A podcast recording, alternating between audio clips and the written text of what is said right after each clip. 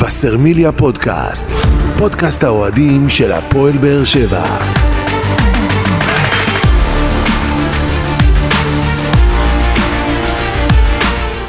שלום לכם וברוכים הבאים לבשרמיליה פודקאסט, פרק 29 בסדרת פודקאסטים שמלווה את הפועל באר שבע לאורך העונה ותנסה להתמקד בנושאים שאתם, אוהדי הקבוצה, תעלו בפנינו בפלטפורמות השונות ולפני שנתחיל את הפרק הזה נאמר שלום וערב טוב לאנשים שהוא איתנו כאן, גדעון אסולין, אהלן אהלן. אהלן, אהלן, ערב טוב. ערב מצוין, עוזי ניסים ישראל היום. אהלן, ערב טוב חברים. ושליח ישראל היום לרומניה, שליח. אוהדי הפועל באר שבע לרומניה, שחזר לארץ בלי טובלרון, שזה גם משהו שאנחנו עוזי. לתת אני- עליו אני את הדעת. אסביר, אני לא, אסביר. לא, אני אסביר. מה, אני- איפה המאמה ליגה, קיורטוש, אני לא יודע מה, תביא איזה משהו. אני אסביר. כן. כולם שומרי כשרות, זה לא כשר, נקודה, תמשיך. לא יאללה, מה הוא יעשה עם כל המזומנים? תגיד לי, איפה תיקח את הכל? לאן הקמצנות לקרון של? הרכבת של גדעון. אין, אחי, בסוף מפשיטים, מפשיטים אותך בסוף, אתה יודע. תאמין לי, אתה עוזי. לפני שבאמת נתחיל לסכם את המשחק אה, של הפועל באר שבע, עוזי, תשתף אותנו קצת בחוויות אה, כאחד שליווה את המועדון לרומניה. קודם כל, אה, זו פעם ראשונה שאני מלווה את המועדון ממש בצמוד, צמוד, צמוד. לא רק מסיבות עונים פה ושם, גם במטוס, בטיסה חזרה, בטיסה לשם, במסיבת העונים לפני, באימון, שהייתי בכל האימון. וזו חוויה אחרת, כי אתה חש את השחקנים, אתה מרגיש את השחקנים, אתה רואה את ההתלהבות של השחקנים, אתה רואה את הביחד שלהם, אתה רואה ממש שהם כולם במטרה אחת לעבור את המשחק הזה, להעביר את ההכרעה לטרנר, ואני שמח שהחבר'ה עשו את זה. היה ראית, באמת... ראית את הדריכות של המועדון ב... מבחינת הרמה של החשיבות, לא רק את? הדריכות, אתה גם רואה ביום המשחק שהמלון נהיה סטרילי מאוהדים, לא נתנו לאוהדים להתקרב למלון, ביקשו בצורה יפה שייתנו לשחקנים את הזמן שלהם, לא להלחיץ אותם, לא תמונות, לא סלפי, שהכול יהיה לטובת השחקנים 100% נטו. שלא יהיה מה שיסיט להם את המחשבה לרגע. התנהלות תקינה. התנהלות כן. ממש תקינה, ואפילו, אני יכול להגיד לכם שהנסיעה של השחקנים נסעו באוטובוס לבד, וכל הצוות המלווה נסע באוטובוס, במינובוס אחר. אתם לא- ישנתם בקריובה, נכון? כולם ישנו בקריובה. כאילו גם השחקנים, הקבוצה כן. וכמה-. מה- מה- מה הזמן הנסיעה? שעה וחצי בערך. ו- ליווי משטרתי. ועד כמה הלוך התבאסת. לראות את המגרש, או את המרחק כן, מהדשא? איפה שמו את האוהדים? וסרמיל, מינוס. תשמע, לא, איזה זה? אני ראיתי, תשמע. אני ראיתי. שחקנים, אה, אוהדים שצילמו תמונות, זה נראה, לא יודע מה הם רואים משם. כן, האוהדים בקושי ראו את הדשא. שמו אותם באיזה פינה איזה של הקרן. בפינה של הקרן, ואתה יודע, אני גם ראיתי תמונות, הם לא ראו כלום. ראית את המזנון המאולתר שם ביציע? אני אספר לכם משהו על המזנון הזה. המחירים שם משתנים מדקה לדקה. כן. בתחילת המשחק, מים עולים שתי לי. לי זה בערך אה, 60 אגורות. כן. כן. במחצית זה עולה שלוש. בסוף המשחק זה עולה שבע. אתה יודע, הכל בהתאם להתקדמות של המשחק. אם הם היו מנצחים זה היה חצי ליל. זה כאילו לקחו את האוהדים של הפועל באר שבע והחזירו אותם 50-60 שנה אחורה להבין יודע. איפה היינו. האוהדים, לא, ויש לך את יש לך את המגרש ריצה כמו שהיה בווסרמיל, כן. ואז הדשא שהוא גם ככה נראה על הפנים ונראה זוועתי. עד כדי כך? ממש, אני דיברתי עם שחקנים, אני דיברתי גם עם השוער, אומר לי, הוא, תקשיב, הדשא הזה זה לא דשא בכלל. אתה רואה גם את הכדור, הכדור לא, אין דבר כזה ישר בכדור. הכדור רק מקפץ. אז זה קשה. וחשוב זה להגיד קשה שגם ל- הקבוצה לא התאמנה במשחק הזה. לא התאמנה במשחק היא באה הזה. ישר למשחק במגרש. בפעם- במגרש, במגרש. בפעם הראשונה שהם חוו את הדשא, זה תראה, זה כמה שעות קשה, לפני כי עוד פעם, אנחנו לא הקבוצה הכי טכנית בעולם, אבל ביחס אליהם, אנחנו כן איפשהו קבוצה שאולי רצתה לפחות לבוא ולהניע כדור, וכמו שעוזי אומר, כדור שקופץ, אתה פחות מנסה להניע ופחות מנסה לעשות את, ה, את המשחק המסודר, ואז זה מחבל לך נגעת במשחק. בנקודה שהם אה, לא התאמנו. אני חושב שאני גם שאלתי את זה, והסבירו לי שלנסוע שעתיים לכל כיוון, אתה יודע, זה פקקים כאלה ואחרים, גם שם יש פקקים, דרך אגב, לא רק, לא רק כן. אצלנו. אתה, אתה פשוט מתיש את השחקנים. בשביל שעה, שעה וחצי אימון להרגיש את הדשא. כן, לא, אם אתה לא וזה אם מבאס, אתה כי זה היה יושב אמור להיות שם. באיצטדיון ברמה מאוד גבוהה. ואני חושב שטוב שזה ראיתי- לא היה שם. זה כן, איצטדיון כן. שבי פאר סמי עופר. מת- אני אני נכנסתי בפנים וראיתי שם את כל הקונסטרוקציות, שהרי האיצטדיון הזה, יש שם הופעה שבוע, משהו כזה. נכון. הכל מוכ... תשמע, זה זה איצטדיון מפחיד. לא, וגם יש להם קהל מאוד ביתי, ו... אם זה היה באיצטדיון... הם גם, אני חושב שהם גם ציפו שלסברין יבואו יותר אוהדים שילוו אותם, דיברו ובאו, איתי, כמה באו? שאני- 5,000? משהו כמו 5,000 שהם ציפו תקשיב, אני ל-15,000 רוצה להגיד לך. משהו. הם אמרו מראש שהם, אה, או ש... היה איזה מסר כזה שהם הולכים להרדים את הפועל באר שבע. וליניב ברדה אמר שאי אפשר לה- להרדים אותנו. אני חושב שהם הצליחו להרדים אותנו. טוב, אז אנחנו נסכם את זה כמו שצריך עם טיזר. סיכום משחק.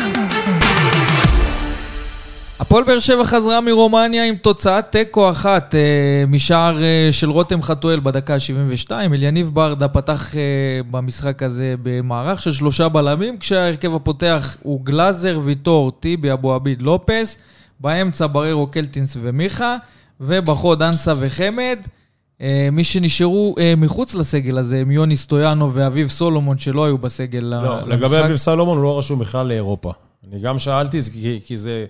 נדליק לי נורה אדומה, כבר משחק חמישי הוא כן. לא בסגל, שאלתי... אז הוא לא רשום בכלל לאירופה? מה זה רשום לא בכלל. רשום באופן גורף? כן, החליטו לא לא לרשום אותו לאירופה, כנראה באירופה... אה, אוקיי, כנראה גם ב- שחקנים. כנראה, והחליטו לא, כנראה בהסכמה מולו. בהסכמה, ברור, ברור.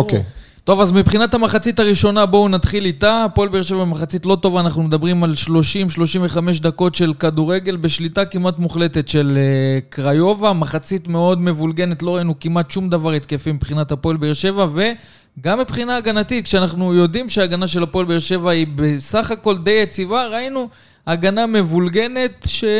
שזה לא מה שמאפיין את הפועל באר שבע, ודיברנו על זה גם uh, במחצית הראשונה מול לוגאנו בנתניה.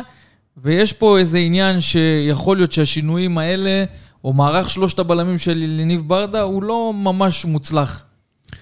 אני לא חושב שאפשר להגיד את זה באופן גורף שהוא לא ממש מוצלח, כי זה תלוי משחק, תלוי קבוצה, תלוי סיטואציה, אה, ועוד מימי רוני לוי, בסופו של דבר יש לנו שני מערכים מובהקים, שזה אה, 352 או 532, לא משנה איך תקראו לזה, עם שני מגנים תוקפים, אה, ו-433. בסדר? שאליניב משחק ומתמרן עם זה, לפי דעתי בצורה. בצורה יפה. עכשיו, אני לא אחד כזה שאוהב להיתפס גם בתירוצים, יחד עם זאת, כן יש כאן כמה נסיבות מקלות, כמו שעוזי ציין מקודם, לבוא פעם ראשונה למגרש שהדשא בו אה, ברמה לא הכי טובה, ולשחק בו אה, עם...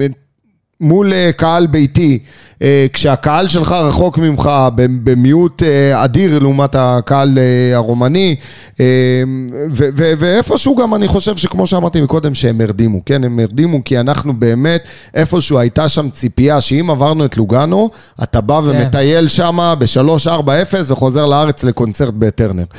זה לא הסיטואציה, לקח לקבוצה זמן להתאפס, מחצית שלמה אנחנו, שבאמת... אנחנו מדברים על משחק שלישי ברציפות, שהפועל באר שבע מציגה מחצית ראשונה לא טובה, ואליניב ברדה מצליח לשנות את המשחק במחצית וזה השנייה. מדהים. שזה וזה מדהים, מדהים, כי אם- אבל, אבל אנחנו יכולים גם לשלם על זה, גדעון. אנ- לא, אנחנו יכולים לשלם על זה, אני אומר, עוד פעם, הנקודה, כמו שאתה אומר, הנקודות הרעות זה שאנחנו באמת מתחילים משחקים בצורה לא טובה. לא טובה, ועשינו את זה גם מול לוגאנו, וגם גם כאן, וגם אה, אה, בסופו של דבר, אנחנו כן מתחילים בצורה מהוססת, בצורה מבולגנת, אה, אבל מצד שני, זה שיש לך את האופי לחזור. מצד שני, שאליניב ברדה והצוות יודעים להגיב במחצית, ולעשות את השינויים המתבקשים, שהם די שקופים בסופו של דבר, הם די חוזרים על עצמם, כן. אבל הם גם די מצליחים לשנות את המשחקים, אז זה כן מראה על אופי של כל הקבוצה, וזה כן מראה על, אה, על כמו שאמרתי, שברדה חי את המשחקים, יודע לעשות את השינויים, וגם על השחקנים שיודעים לעלות מהספסל ולעשות את השינויים במעמדים האלה. מה שאולי עזר להפועל באר שבע במשחק הזה, זו הרחקה של פאפ. פול פאפ אה, במחצית, אה, לאחר שהתעמת עם איתי שכטר ביר, בירידה למחצית, אנחנו לפחות בשידור ראינו ולא הבנו למה קריובה עלו בעשרה שחקנים. ממש שתיים או שלוש דקות לפני, לפני זה פרסמנו בטלגרם על העימות אה, של פאפ עם שכטר. עוזי ניסים היה שם, הוא, הוא גם זה שעדכן את השדרנים של המשחק. כמה אתה מעורב בהרחקה הזאת, עוזי? לא, אני אגיד לכם, זה היה תוכנית המשחק. היה תוכנית המשחק של ברדה ושל שכטר. שכטר אמר, אם אני לא משחק, אני אעשה משהו אחר. אז בעצם הפועל באר שבע עלתה ביתרון מספרי למחצית הזאת, אבל ואז מה ש... ראית בעצם, אה, מה שהמשחק מה- התהפך. איפה, איפה הנקודה שעשתה את השינוי זה החילופים בדקה ה-54, הכניסה של אה, רמזי ספורי ורותם חתואל, ובעצם מהרגע הזה ראינו את השינוי במשחק ההתקפי של הפועל באר שבע, ראינו גם מעבר של ברדה לקו 4, כשאלחמיד הופך להיות אה, מגן ימני, ואני איפשהו בתחושה... רק כשרמזי ספורי נכנס למגרש, הרגשתי שיש לי בעל בית על- הדשא. הרגשתי שיש מישהו נכון. שבא ואומר לשחקנים, אני פה, חבר'ה, תירגעו, יש לכם את הביטחון, בא ומבקש כדורים, היחיד שנותן כדורים, זה שדוחף גם את השחקנים ללכת קדימה, פתאום הבנת שיש להפועל באר שבע משחק התקפי, כי במחצית הראשונה לא ראינו שום דבר שמזכיר משחק התקפי. חד משמעית, וזו לא הפעם הראשונה, ואתה יודע מה, וזה רק הולך ומשתפר בהיבט הזה של אה, ספורי, למרות הפציעות, והוא חוזר, שוב, באמת לא, לא קל להיעדר ולהתחיל, ממחנה אימונים למעשה נפצע, אז הוא לא היה בכל ההכנה כמו שצריך, ובכל המשחקים המוקדמים, אבל לחזור מזה ולקחת את השליטה ולהיות בעל הבית במגרש, אה, זה משהו שבאמת אה, ייאמר לזכותו, והוא עושה את זה בצורה מופתית. אה, כבר בעונה הקודמת ראינו את... את המגמת אה, שיפור שלו שעוד התחילה באשדוד, וראינו שהיא ממשיכה בהפועל באר שבע, היה לו כמה משחקים או איזו תקופה מסוימת שהוא נעלם קצת מהרדאר, ו- ועדיין היה עושה בישולים בין האחים, אבל uh, אני חושב שבאמת הביטחון שלו, הבגרות שלו, uh, הוא נהיה באמת שחקן הרבה, הרבה יותר טוב בעיניי. ומי שמפספס פה הזדמנות זה דור מיכה. חד משמעית, זה בא על חשבונו. שהוא יכל לקחת גם במשחקים האחרונים, משחק, גם במשחק כמובן בקריובה. זה לא מיכה שאנחנו רוצים לראות. זהו, זאת השאלה, כי גדעון, אם אתה זוכר, אנחנו גם בפרקים הקודמים, גם בכל היציאה אחרי משחקים, אנחנו תמיד האמנו אנחנו שיבוא סבלנ... הרגע... סבלניים מאוד כלפיו. שיבוא הרגע ואנחנו נראה מדור מיכה משהו אחר. אנחנו האמנו שדור מיכה יכול להציג את מה שמצפים ממנו, כי אתה זוכר, הוא בא לפה על תקן, שחקן משדרג, אחד כזה שכל הקהל של הפועל באר שבע חיכה לו, וחיכו לו תקופה ארוכה, אם אתם זוכרים, היה פה לחץ מאוד גדול של הקהל להבין מתי נסגרת עסקת אה, דור מיכה. בסוף הוא הגיע... דיברנו על הפתיחה הלא טובה שלו תחת רוני לוי, אמרנו אולי ההשפעה של רוני לוי, החיבור ביניהם, זה מה שהופך אותו לכבוי. ראינו איפשהו אה, התאוששות לקראת הסוף ככה עם אליניב ברדה, אבל גם את העונה הזאת הוא לא פותח, כמו שמצפים מדור מיכה, כשעל הנייר הוא מקבל את כל המעטפת סביבו, את התמיכה מהקהל, את התמיכה מהצוות המקצועי. השאלה, מה עוד דור מיכה צריך בשביל להציג את מה שאנחנו רוצים לראות מדור מיכה? אני חושב, ואני... קודם כל, לא, אבל היה לו כבר. היה לו גם שערים, גם עונה קודמת. הוא התחיל בשער משחק, אם אני לא טועה, אם אני לא טועה, זה היה משחק בכורה שלו שהוא הכניס, אה, נכון. הבקיע שער. באשדוד. ובישולים היה לו, לא הרבה, לא בכמויות שאנחנו מצפים, אבל היה לו. ואני חושב שמה שמעיב על דור מיכה, וסליחה שעוד פעם נכנס לסיפור הזה, זה צודק, כל הפרשה, צודק, נכון. לפי דעתי היא יושבת עליו, הוא לקח את זה, כל אחד יכול לקחת דברים כאלה אינדיבידואלי בצורה אחרת, למרות שהמועדון מתנהל בצורה מדהימה כלפיו, ו- ו- וגם האוהדים סבלניים ברובם כלפיו, וגם אנחנו, ו... אני חושב שבסוף זה כן יתפוצץ, כי דור מיכה לא שכח לשחק כדורגל. גם מליקסון, אם אנחנו זוכרים, וסליחה על ההשוואה, אבל גם מליקסון בעונה של אלישע, היה כבוי, היה כבוי, לא ידע מה לעשות עם הכדור, לא התחבר לו הדברים. אז דור בסוף הוא מיכה... התאושש אבל. מה, מה זה התאושש? התפוצץ. יפה, אז אני אומר, השאלה אז מתי דור זה יקרה מיכה- אצל דור מיכה. לא יכול להגיד לך, לא יכול להצביע לך ולהגיד לך שני משחקים, חמישה משחקים, עוד עונה, אבל אנחנו אתה יודעים... רואה דור מיכה בעונה הזאת מתפוצץ? אני חושב שאם המועדון יהיה סבלני כלפיו... בלי ו- פוליטיקה, אתה רואה לא, דור לא. מיכה מתפוצץ העונה? כן, ומקווה ש... אתה יודע למה כן, אני אומר זה? יהלום, בסוף זה יהלום, אנחנו יודעים מה יש לו ברגליים, זה, לא הלך לאיבוד, זה, איפשהו שמה, האנרגיה הזאת עצורה איפשהו שמה, בסוף היא תתפוצץ, השאלה. כמה אורך רוח יהיה למועדון, יכול להיות שהמועדון כמונו יבוא ויגיד, שמע, בוא חביבי, אתה צריך לדבר איתי במספרים, עד עכשיו, בצורה הכי יבשה שיש, אבל מה שמאפיין את הפועל באר שבע, לטוב ולרע, כן? שיש לה אורך רוח. כלפי כן. שחקנים. אנחנו רואים את זה עם אנסה, אנחנו רואים את זה עם אה, שגיב יחזקאל, אנחנו ראינו את זה עם מליקסון בעבר, אנחנו ראינו את זה הרבה, הרבה מאוד אה, פעמים, שיש אורך רוח, ו- ו- ובהרבה פעמים זה גם משתלם. אתה יודע גם למה? כי המאמן מאמין בו. אם נכון. ברדה לא היה מאמין בו, אז היית רואה אותו כי כבר ברדה מבין בספסל. כדורגל. וברדה יש לו יחסי אנוש, ודור מיכה הוא גם בתור בן ברדה אדם. זה מאמן של שחקנים. זה לא חד. כדוגמת רוני לוי חד לפניו. משמעית. ברדה יודע שהוא יקבל ממנו, ואתה יודע מה, יבוא, אני, אני לא מאמין שזה כזה רחוק. כי אם עכשיו, אה, אתה יודע, יהיה מהלכים כאלה ואחרים, יבואו שחקנים ואחרים, אולי גם הלחץ ירד טיפה ממנו, ואז הוא יהיה יותר משוחרר. בואו נעבור למישהו שכן נותן ליניב ברדה את המספרים, וזה רותם חתואל, מדהים. שכובש את השער אה, הרביעי. היתרון של הפועל באר שבע, שער רביעי בחמישה משחקים, שהוא בעצם הופך לשחקן החם של הפועל באר שבע בקמפיין הזה של הקונפרנס ליג. ויש המון מחמאות לרותם חתואל. גדעון, אנחנו דיברנו על זה, אולי הוא אחד כזה שלא? שצריך הוא לא היה לעלות, רחוק מצמד. אולי אחד כזה שצריך לעלות אה, רק אה, רק במחצית מה- השנייה לפי דעתי, איך שאני רואה- אבל אני- יכול להיות שגם מבחינת המספרים שהוא נותן והתרומה ההתקפית שלו, יש אה, שיקול שאפשר להביא אותו אבל זה בחשבון, לא- גם כשחקן הרכב. קודם כל כן, ויש מאמן שיקבע את זה, ואני בטוח שאיפשהו, אתה יודע, כשאתה מתרגל הרכב או עושה איזה אימון הכנה, אז אתה... אני בטוח שרותם חתואל הוא בין הרוטציות הראשונות שנכנס. אבל יחד... את זה, הוא אבל, ראשון. אבל, אבל, לא, אני אומר כאילו לנסות אותו גם עם גופיית ההרכב ו- וכאלה באימונים. והמאמן בסופו של דבר זה זה שמחליט. אני חושב שאיפשהו, זה לא בושה, וגם אמרתי את זה בעבר, יש שחקנים שנועדו להיות מחליפים. יש שחקנים שעושים את השינוי, והם באים גם בעצמם לידי ביטוי הרבה יותר טוב כש, כשהם מחליפים. אני חושב שרותם חתואל זה הטייפקאסט הזה, מה לעשות, הוא, הוא באמת... מגיע רגוע, יש לו ביטחון, יש לו חוצפה חיובית, הוא יודע איפה יש לו מיקום הזמן, מעולה. מדהים, מדהים, מיקום מדהים, אתה יודע, כאילו אין נבדלים, כאילו, אתה יודע איכשהו הכדור מתגלגל אליו, מגיע אליו, תראה, הוא גם נמוך, הוא לא איזה עכשיו שחקן גבוה, כל הגולים שלו בנגיחות כמעט, אז יש לו טכניקת נגיחה, הכל ביחד, יחד עם זה שכשאתה השאלה אם נכנס... אתה כשחקן כדורגל שיודע שלא משנה מה תעשה, תכבוש, תבשל, לא משנה מה, אתה עולה מהספסל. איך אתה רואה את הדברים? עוד פעם, זה, אני חושב שבטוח שיש שיחות על הנושא הזה בין רותם ל- לאליניב, ויכול להיות שרותם בעצמו גם מרגיש את זה אבל אתה יודע, כשהוא- יש כמה תראה, זה חלוצים לא שהוא לא... בכירים יותר, אין מה לעשות. אתה יודע, תומר חמד, אני, אה, לא, אבל הוא בעיקר על הכנף. לא, אבל אני אומר, אבל הוא לא- עדיין. הוא, קודם כל, הוא, הוא כמה, היה משחקים שהוא פתח, זה לא שתמיד הוא עלה מהספסל, היו משחקים שהוא פתח, ואני חושב שהוא בעצמו הרגיש, כשאתה פותח במשחק, אז קודם כל יש את הלחץ של ההתחלה. יש את המחויבות, יש את הטקטיקה, יש לרוץ עם המגנים, זה, זה לא כמו שאתה נכנס למשחק בדקה 60-70, שהמגנים כולם כבר חמים. עייפים, אה, יש כבר איזה חוסר ריכוז מבחינת שחקני ההגנה. אה, אתה מבין, יש כאן איזה משהו שאני חושב שמשחק לטובת הרגליים ולטובת ה- היכולות והתכונות של רותם חתואל.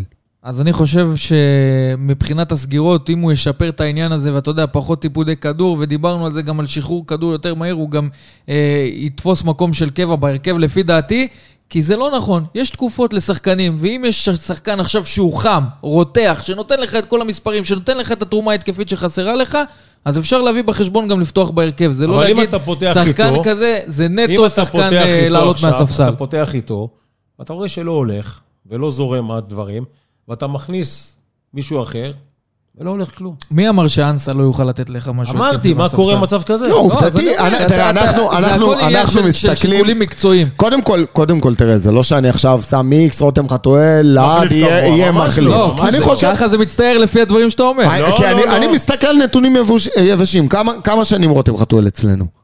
אני אני חושב שעוד פעם, אנחנו מסתכלים אמנם גם מבחינה... משנת הקורונה, שנתיים. תראה, אנחנו, מסתכל גם, אנחנו מסתכלים גם מבחינה סטטיסטית ואומרים אה, ארבעה שערים בחמישה משחקים, נכון? זה מה שהיה בקונפרס ליג. כן. אבל אם תסתכל, אתה יודע מה, לא כל התקופה שהוא נמצא, רק מהמשחק נגד מכבי פתח תקווה שברדה לקח את המושכות, אני חושב שהסטטיסטיקה שלו, תשמע, אין דבר כזה בעולם. אין אח, אני, תקשיב טוב. תקשיב טוב, אני חותם לך שאין אח ורע מבחינת מספרים ליחס כמות דקות שהוא קיבל. שתי דקות אחרי השער הזה של רותם חתואל. אגב, השער הזה, אה, ממהלך מהיר של רמזי ספורי, מוציא כדור, אה, כדור אה, חופשי ו- מהיר ו- ועוד לרוט- מעל- ל- ו- לחאתם אל-חמיד ועוד שמעביר לאמצע, מהלך טוב של חאתם חמד שצ- גם מעורב ב- במהלך תראה, הזה. חמד עם מה זה? תקשיב, לקח. תקשיב, המספרת של חמד, בואנה, איך הוא הוציא את זה? זה, זה במאית השנייה. במאית השנייה, להיכנס למצב ולעשות את המספרת הזאת, זו תגובה מדהימה. אנחנו מדברים בסך הכל באמת על אה, אה, מישהו שבא בימים במושגים, במונחים של כדורגל, 35, לא ילד. הוא אקרובט, והוא עשה שם, אני לא יודע איך השוער לקח את זה. אנחנו עוד נראה עונה טובה, יש לי תחושה לגבי כן, לגבי כן, הוא נכנס חמד. טוב, הוא בא טוב, והוא צריך מישהו שיזין אותו, בוא נראה איך שפי עוד מעט נדבר עליו, אבל בוא נראה איך הוא ייכנס. שתי דקות. אחרי השער הזה ראינו התקפה באמת של אה, קריובה, שהצליחה לסחוט פנדל אחרי הכשלה של אה, חאתם אל-חמיד, שאיחר קצת בסגירה.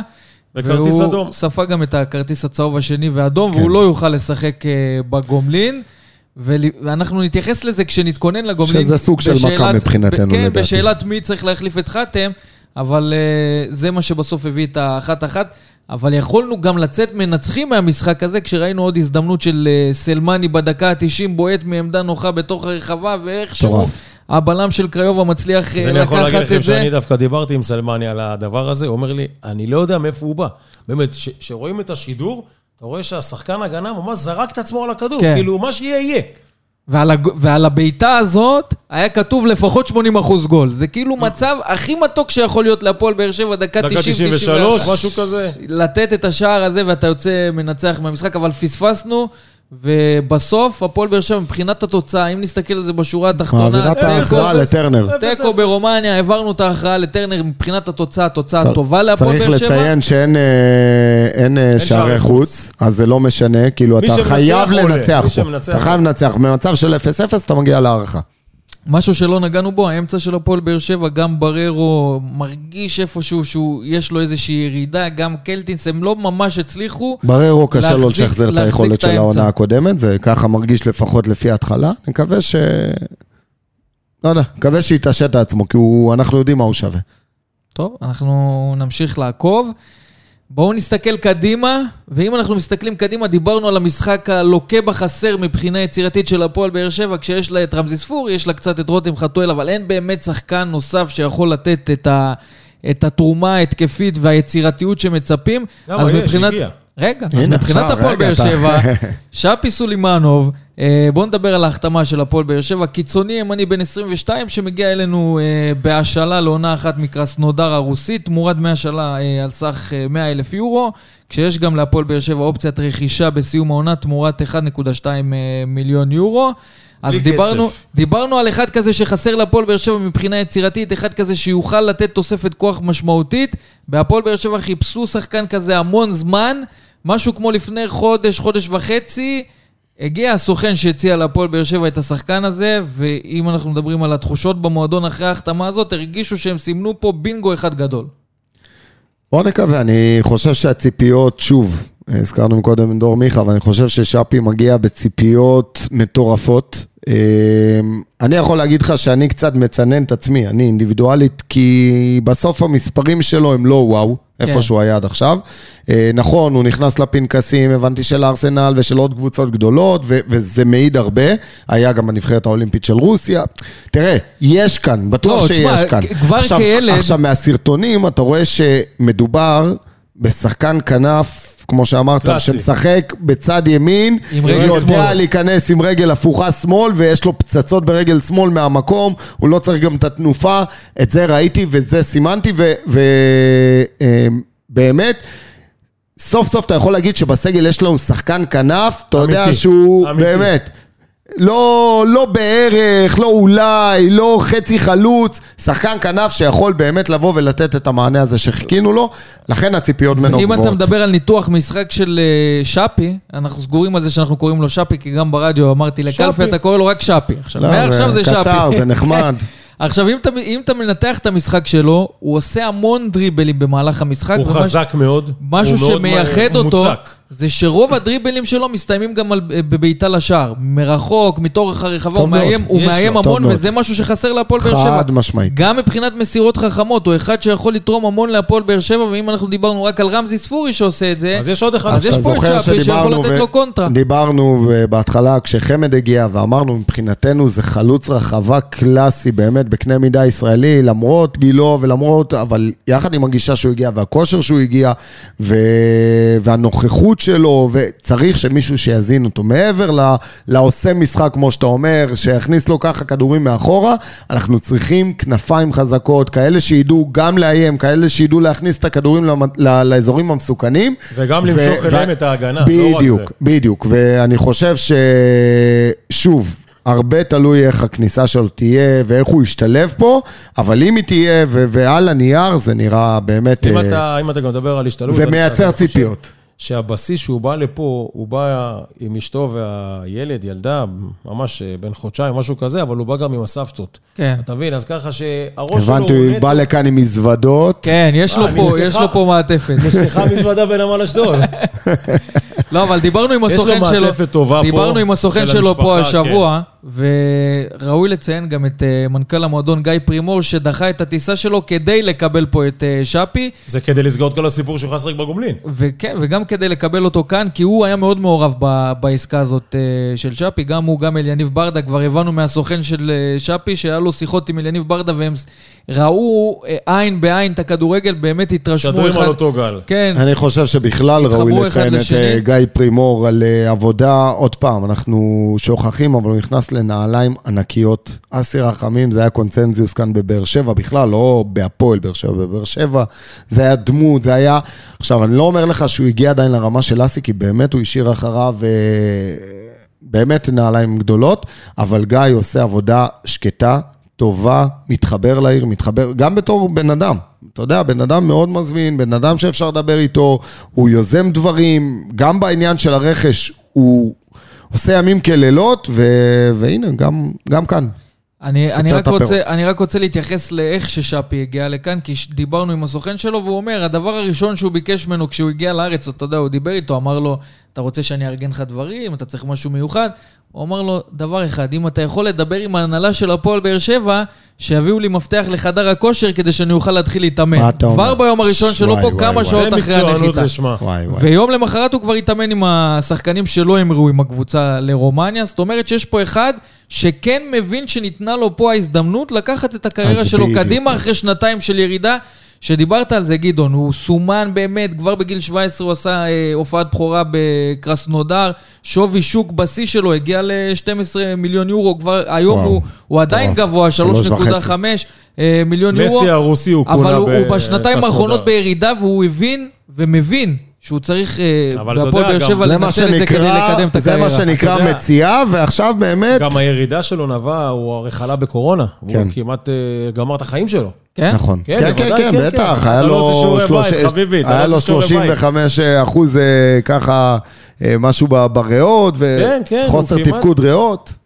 אז אה, אתה יודע, הוא כמעט שנה שלמה שלא שיחק. כן, כן, הוא קיבל את זה אה, חזק, והכל ביחד, גם המלחמה, המלח-. המלחמה ברוסיה, והכל ביחד, אני חושב שמבחינתו לפתוח דף חדש, במקום חדש, עם אווירה חדשה, עם חבר'ה שגם, יש כאן לא מעט חבר'ה שידעו לדבר איתו גם ברוסית, והוא גם, אה, אגב, מוסלמי, ויש כאן, אה, אתה יודע, יש יש. יש מי שיקבל אותו ויש מי שככה יוכל לעזור לו, אז אני חושב, והוא בעצמו, כמו שאתה אומר, זה מעיד הרבה על זה שהוא בא והוא כבר רוצה להיכנס לעניינים, הוא מבין את גודל הציפיות ממנו, ואני אני שמח על מה שאתה אומר עכשיו, כי אני רוצה שחקן שיבוא ו...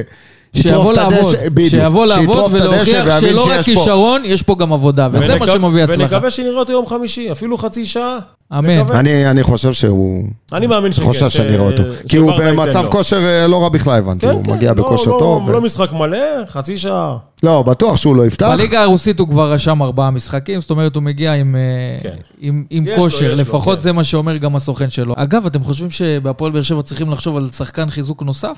ואם כן, איפה? קודם כל, אני חושב כי- שברדה... כי ברדה סימן עוד אחד לפחות, שברדה. הצהיר על זה. חייב מרכז שדה. אני, חייב. בדיוק, אני חושב חייב. שברדה הצהיר על זה, והיום שמעתי ברדיו שמדברים על כנף שמאל, שזה, אני לא חושב, כי בסופו של דבר, אם הבאת את שפי, ויש לך את חמד, ויש לך את סלמני, שיכול איפשהו גם לשחק כחלוץ שני, אבל גם איפשהו בכנף, ואל תשכח את אנסה, יחזקאל, חתואל ואיתי שכטר, אני חושב שכאן אתה יוצר יותר מדי. למרות זאת, אם אני מסתכל על עמדה שהיא כן עמוסה, וכמו שעוזי אומר, המרכז שדה שלנו, אם יש כאן עוד מקום ל- ל- ל- לזר ועוד מקום ל- לחזק משהו, זה את מרכז השדה. משהו נכון. מתבשל. זו דעתי. נחכה- לימים פה הקרובים. בישולים, תראה, הוא שם את הכובע, הוא שם את הסינר האדום. נחכה לימים הקרובים ונדע אם זה... אבל אני גם חושב, אתה יודע, אנחנו אולי ראשונים לזהות שלהפועל תעלה. באר שבע יש הרבה מאותו דבר, ובסוף הכל פרווה. בדיוק. ואנחנו רוצים משהו אנחנו בשרי רוצים שיהיה לו שיניים. איכות ולא כמות. וזהו, זה, זאת השאלה אם באמת הפועל באר שבע מסמנים את העמדה הזו ולא יביאו שחקן כנף נוסף, כי אנחנו יודעים שזה היה הרצון לפחות, להביא שני שחקני כנף. בוא נחכה ונראה מה מתבשל בתנור. טוב, עכשיו קדימה. הוא הכין לנו פה הפתעה. הוא אומר בוא נחכה ונראה מה יתבשל בתנור, אז אני גם הכנתי לכם הפתעה, וההפתעה הזאת הולכת להיות ככה. אנחנו עכשיו כל אחד בוחר את נבחרי העונה של הפועל באר שבע לעונת 2022-2023. לא חשבתם על זה, לא הכנתי אתכם, פשוט תשלפו. אבל אתה יודע אנחנו- למי ניתנה הנבואה. אנחנו וואו, עשינו וואו. את זה, אנחנו עשינו את זה עם הקהל של הפועל באר שבע בטלגרם של וסרמיליה, שגם רגע, הם... בוא ניכנס נראה הם מה גם הם בחרו. רגע, מה, כמה יש לנו? אל תדאג, אני מה?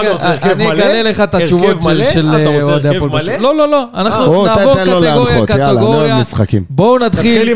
בסוף העונה נבחן ונשים כסף. בסוף העונה נבחן ונשים כסף מי לקח את הקופה. עוזי לא משלם, מה אני אתערב איתו מעכשיו? בואו נתחיל מי לדעתכם יסיים כמלך השערים של הפועל באר שבע בסיום העונה.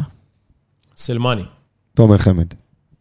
תומר חמד אתה אומר? כן. סלמני אתה אומר? כן. אני גם, אה, יש לי תחושה שסלמני ייכנס לעניינים ובאמת יביא תפוקה מבחינת שערים.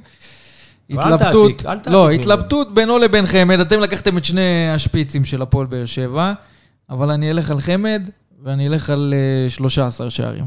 אה, אתה רוצה גם אה, מספר? תנו לי מספר. דו-ספרתי. דו-ספרתי זה לא מספר. למה לא? תן לי את המספר. 12 שערים. אחד. בליגה, אנחנו מדברים על ליגה רק. ליגה, ליגה. 12 אה, לא שערים כל. המסגרות? לא כל המספר. 12 שערי ליגה. 11.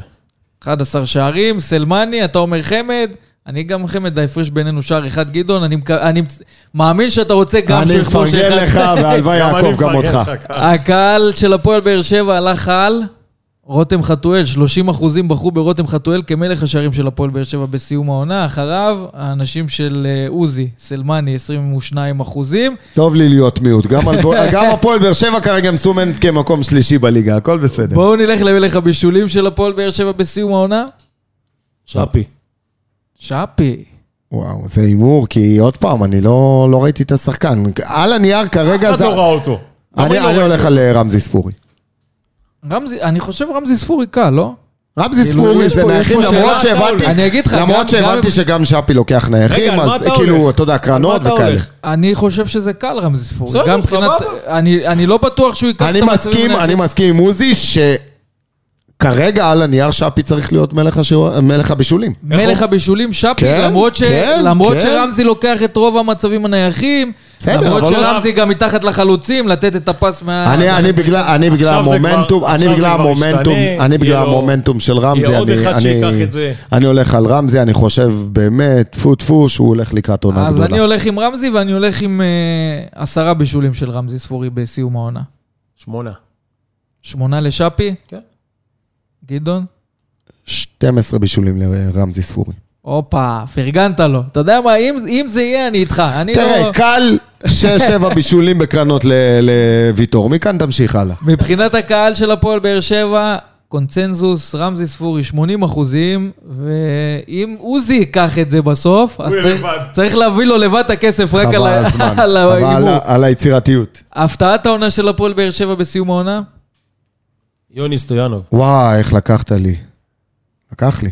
אני גם חושב שאנחנו נגלה את סטויאנוב. לקח לי, השאלה אני- מתי אני ברדה יגלה את סטויאנוב. לא, לא, אני כרגע- אני אגיד לך כרגע למה. לא אני אגיד לך מה. ברדה. גילה את סטויאנוב לדעתי, כי ברדה עושה לו כרגע שימור לקוחות. הוא מדבר, כן, הוא מדבר איתו המון, אני, אני מכיר את זה גם מבפנים, איתו ועם אדמון, הוא עושה שיחות אל תוך הלילה, חשוב לו לשמור את השניים האלה, יכול להיות זה עדיין לא זה, יכול להיות הם עדיין לא בשלים מבחינתו, יכול... הוא שומר אותם. כמו שאמרנו מקודם, האנרגיה העצורה הזאת, אז אני חושב ששניהם בסוף כן יהיו חלק משמעותי בעונה של הפועל באר שבע, ואני ראיתי ניצוצות מסטויאנוב, אני מקווה מאוד ש... שהוא יהיה באמת תגלית העונה. אז זהו, זאת אה, שאלה מעניינת. יש את סטויאנוב, גם שפי, שאנחנו לא באמת יודעים למה לצפות ממנו. כי תראה, אני אגיד לך מה, כל אחד. אחר, בדיוק, אבל כל אחד אחר, נגיד סתם, רותם חתואל זה כבר לא הפתעה. אתה מבין? כן. אתה לא, יודע הנה, ששחקן שפי- שעולה ועושה שפי, שינוי. שאתה יודע, הגיע כשחקן זר, אתה אומר שחקן זר, אתה לא יכול לבחור אותו אגב, כהפתעה, דור מיכה, אם הוא ייתן עונה טוב- טובה, הוא יכול להיות הוא הפתעת גם יכול. להיות הפתעה. וגם שפי, אם עכשיו ייתן מספרים שלא ציפית באמת, ויהיה לו דו-ספרתי בישולים שערים, אז זה גם הפתעה. כל אחד יכול לסיים, אם אנחנו אה, דיברנו... אנסה יכול להיות הפתעת העונה. דיברנו בעונה שעברה על... אה, אם אנסה ממשיך בקו שלו, יכול גם בקלות אנסה, להיות. עונה שעברה, אבו עביד נבחר להפתעת העונה של, אה, נכון. של הפועל באר שבע. זאת אומרת, כל אחד יכול לקחת את זה. חד משמעית. לפחות כרגע, כששאלנו את הקהל, אז טויאנוב עם 33 אחוזים, שפי עם 31 אחוזים. זה אומר שכולם אהבו את מה שראו אצל יוני סטויאנוב. לגמרי, ולא ראו הרבה. הגיע הזמן שנראה אותו קצת יותר, ויש אופציה לעשות את זה כבר ב... אגב, במשחק הזכרנו את, הקרוב. ה, הזכרנו את הקורונה אצל צ'אפי, אז אה, גם סטויאנוב הוא עם, אה, עם סוכרת אה, נעורים שהתגלתה לו בגיל מאוחר, ו, ועכשיו הוא גם הולך ובעצם פרזנטור במרכאות של נכון. המועדון, שהולכים ובעצם האמת רוצים, שעוד לא, עוד לא רוצים התחילו... להעלות את המודעות עוד ב- לא התחילו את זה, אבל אני חושב שזה... אני חושב שזו יוזמה מאוד מבורכת. מדהים, כן, מדהים, לקחת כן את זה, לתת תקווה לאנשים. לתת תקווה של, נכון. ולהסביר שלא משנה מה עובר, בסוף בן אדם יכול להצליח בכל תחום, גם בכדורגל, זה משמעית. באמת אחד מהשחקנים, אני, אני לא נחשפתי על... אה, הוא היחיד בליגת העל. כן, אז זה באמת משהו שכן המועדון צריך לשים עליו זרקור, ואני מאמין ורק שיעשו בריאות. את זה. כן, לגמרי. אה, ואולי זה יגרום לאוהדי הפועל באר שבע לרצות יותר לראות את ההצלחה של סטויאנוב, שכבר עכשיו רוצים לראות אותה. אה, כמות ממוצעת של הקהל באצטדיון טרנר? טוב, אני חושב שיש סולד אאוט מנויים, אז... אה, אין פה מה אה, אתה מדבר כולל... האופציות, האופציות אתה, אין. אתה מדבר כולל, קבוצה אורחת. האופציות קבוצה אין. אחת אתה לא יכול לקבוע, של אוהדי זה לא הפועל באר קשור. שבע. האופציות אין. תשעה עד אה, עשרת אלפים אה, יש לך אבל אוהדים. 12 יש לך מנויים, 12 12 ואחד אתה עושה מנויים. תשע. 10 עד 12, 12 עד 14, יש לך מעל 14, מתחת ל-9. 12 עד 14. 12 עד 14? תראה, במיוחד באר לא, ראינו כבר במיוחד באר שבעים הם לא כאלה שישלמו ולא יבואו. לא, לא, לא. 12 עד אבל 14. יש גם משחקים, כבר שילמו, מה? יש גם משחקים כמו, אתה יודע, מול קבוצות פחות... אה, אז הם נותנים את זה לשכן, או לחבר, מה הבעיה? אז אני הולך על... לא רק כולם רק כמוך בשביל- מוכרים את המנוי. רק בשביל שכל, שלא נלך כולנו על אותה אופציה, אז אני הולך על 10 עד 12, שזה גם מה שהקהל של הפועל באר שבע בחר. אה, משהו שלא שאלנו את הקהל של הפועל באר שבע, אבל מי לדעתכם שחקן שהתחיל את העונה עם הפועל באר שבע, אבל לא יסיים את העונה עם הפועל באר שבע? או-אה, אני מהמר על שגיב יחזקאל. שגיב יחזקאל. אפשר שתיים? כך. שגיב ואנסה. שגיב אנסה, ואנסה. וואו, אנסה אתה מפתיע אותי. אנסה, אם הוא נשאר אחרי העונה שעברה, כן, אתה חושב אני- שהוא לא יסיים את העונה. הנוכחית בהפועל באר שבע? כן. בסדר. וסתם מעניין. אותי, מעניין אותי לדעת למה הלכתם על אה, שגיב יחזקאל. אתם רואים אותו... אני לא? אני, אני לא חושב ש... עוד פעם, שורה תחתונה, הוא זה יידרדר שחקן, ברוטציה, בוא נתחיל. זה בוא שחקן שהגיע לפני אנסה והגיע לפני חתואל, ו- ו-. ובסוף הוא בתפקיד מאוד קריטי מבחינת מספרים. אם אנחנו מדברים על דור מיכה, אז שגיב יחזקאל הרבה יותר קריטי בוא מבחינת נגיד את מספרים. האמת, עם כל התקופה של שגיב יחזקאל כאן בהפועל באר שבע, לא ראינו ממנו כמעט כלום, כלום. מה? אז למה אתה שואל את השאלה בכלל? כמה לא, גולים יש לו? השאלה, כמה השאלה בישולים היא יש לו? אחרת, האם אתם רואים את זה כיוזמה של המועדון או בקשה של שגיב אני חושב ש... יחזקאל? הכל יכול להיות. אני לא חושב שבסוף זה יהיה איזה פרידה הדדית. עוד פעם, אני באמת תופס משגיב יחזקאל, אני חושב שהוא כישרוני מאוד, משהו לא מתחבר, משהו לא הולך, משהו... אז הלוואי שאני אוכל את הכובע ו- ושגיב יחזקאל יבוא ויהיה מלך השערים או מלך הבישולים בסוף העונה, הלוואי. אתה רוצה שאני אפתיע אותך? נו, לדעתי איתי שכטר לא יסיים את העונה בהפועל מה. פתאום? אין חיה כזאת. כן? אין דבר כזה. אין חיה כזאת. טוב, אנחנו נראה. אתה יודע מה, זה. הימורים, אנחנו לא יודעים איך זה ייגמר. איתי שכטר מתחבר, הוא מבין מראש, תראה, הוא כבר מבין, הוא הבין מראש שהוא מגיע לכאן, והוא נראה לי גם רצה את זה, להגיע כאן, שחקן שעולה את שמע. ה-20 דקות, 30 דקות, לעשות את השינוי, לעשות את הפרובוקציות. ו- ולהרים את חדר ההלבשה. הוא הבין, והוא, והוא נכנס לתפקיד הזאת בצורה מדהימה, אני חושב שהוא התחבר כאן, גם עם המכבים שהגיעו איתו, אם זה איתן טיבי ואם זה דור מיכה, ואני חושב שבסופו של דבר איתי שכטר אה, ככה מאוד אה, נטמע בבאר שבע. וזה הסיבה שהאריכו לו את החוזה. החוזה שלו היה תלוי אחוזים. הוא לא הגיע לאחוזים שלו, אבל האישיות שלו עשתה מדהימה. את זה. האישיות שלו, בדיוק מה שתיאר פה גדעון, זה מה שצריך בחדר אז מועדון. אתם אומרים, גם מצד איתי שכטר וגם מצד הפועל באר שבע לא ירצו להיפרד במהלך. אבל תראה, תראה איזה אה, יופי תראה. הוא עושה, בחדר הלבשה הוא מוציא אדומים. כן, מה? זהו, עם המהלך אחד. מי יעשה את זה? השאלה איך תראה, תתקדם. ברדה- איך גם מבחינתו, אתה יודע, כי מבחינת שחקן שמרגיש, אנחנו. יודעים שיש גם אצל מאני ויש כבר שני חלוצים כשברדה, מסתכל לפניו. על, ה, על, ה, על הסגל שלו, הוא רוצה לראות את האליניב ברדה הבא. כאילו, מי האליניב ברדה בקבוצה, בסדר? בזה, אבל מי שהכי מתקרב בדמות, במנהיגות, זה איתי שכטר. תראה, אם אתה מסתכל על הלוח משחקים הקרוב, המשחקי ליגה, יש לך שני משחקים בארבעה ימים, מה נראה לך, הוא לא ישחק? אתה מבין, ברור שהוא. ישחק, הוא- יש עומס של משחקים. המונדיאל צמצם את כל הרווח שיכל היה להיות. הכל עכשיו לחוץ עד לתחילת המונדיאל, לסיים כמה שאפשר. אין אפשרות, בגלל זה יש לך סגל גדול. למה אליניב אמר בתחילת העונה, אני רוצה שניים, שלושה שחקנים על כל עמדה? זה בדיוק המטרה. אגב, גם אה, שחקני אמצע, לפחות אה, אחד, שניים, לא דרך אגב, לא אני יכול להגיד לכם. שגורדנה באימונים נראה שוס. שוס? יאללה, אז אולי אנחנו זה מה צריכים, שחסר אנחנו להפועל באר צריכים את שבע. האמצע. אז תבין, אז יש לך עוד אחד שנכנס ל- לרוטציה. אתה יודע, עוד שבוע, עוד שבועיים, אבל אתה יודע, זה עוד אחד שאופציונלי להיכנס. שסיים את העונה בצורה מצוינת. נכון. נתן בדיוק, באמת יכולת בדיוק, אה, אתה מבין? חד משמעית. ש- ו- שסימנה ואני- ליניב ברדה שיש... הוא ויוספי. ואני סיימו בהחלט בצורה מדהימה את מאמין העונה. שאנחנו נגיע לבתים. יש לך פה עד מרץ כמעט, אה, אתה יודע, שני משחקים כל שבוע. ולסיום, חברים, באיזה מקום הפועל באר שבע תסיים את העונה? שתיקה, שתיקה רועמת. אפשר אה, בין לבין? אני לא חושב... אני כבר מרגיש את אני- הפוליטיקה שאתם מנסים לא, לייצר. לא, לא פוליטיקה, אני אומר לך הכי שקוף שבעולם. אני אאכזב, אני לא חושב... הלוואי, ושוב אני אוכל את הכובע, לא חושב שהפועל באר שבע תיקח אליפות גם אני העונה. מסכים עם גדעון. אה, אבל אתה יודע מה יקבע? מקום שני, שלישי, אני לא יודע להגיד לך, זה או שני או שלישי, פחות מזה זה אכזבה פשוט. אני אסביר לך מה יקבע. מי שלא תלך לאירופה מבאר שבע או מכבי תל אביב, כי חיפה כבר אירופה, מובטח לה אירופית בכל מצב. כן. שזה היא- משחק לטובתנו. בדיוק, יהיה לה את הזמן. לרוץ. יהיה לה את הזמן לרוץ בליגה הלבנית. נכון. משחק בשבוע? נכון. אה, אתה מבין? חי על מי והפועל. באר שבע של העונה הקודמת, לצערנו, עוד פעם, התחילה את העונה טוב, אבל היא הייתה צריכה לנצל את זה בצורה הרבה יותר טובה, נכון. ולברוח גם. היא אומנם סיימה את הסיבוב הראשון במקום הראשון, אבל הפער לא היה משמעותי. אבל הפער לא הייתה- היה משמעותי והיה גם הרבה בריחת נקוד, הרבה נקודות שהפסדנו בדרך. אם היא הייתה מנצלת את זה וקרובה ל-100 אתה יודע, אה, אה, נקודות, היא הייתה יכולה לקחת את אם אני, האליפות. אם אני מסתכל. על הסגל של הפועל באר שבע, אנחנו דיברנו על זה גם בעונה שעברה וגם העונה, החוליה הבטוחה זאת חוליית ההגנה, באיפשהו בקישור חסר לנו איזה שחקן, אתה יודע, שהוא כן, game יש יותר מדי כזה. שחקנים וחסר לנו... חסר לנו אחד כזה, חסר לנו אחד יצירתי, אני מאוד מקווה ששאפי כן ייכנס ו- ויוכיח, אבל אנחנו לא יודעים, זה למרות שהוא עדיין לא לא בטוח. במרכז הקישור, הוא בשלישייה הקדמית. לא, גם מבחינת יצירתיות וגם אחד באמצע, חסרים לנו את השחקנים האלה, אולי שפי יעשה את ה- תראה, ברגע את שאתה הקפיצה ברגע של שאתה הפועל באר שבע מוסיף עוד מבחינה יצירתית. יצירתיות, ברגע שאתה אבל איך מוסיף... שאני רואה את הסגל של הפועל באר שבע, איך שהוא בנוי, לדעתי מקום סולידי, מקום שני, ננצל איכשהו... סולידי, אתה מבין? נהיינו צנועים.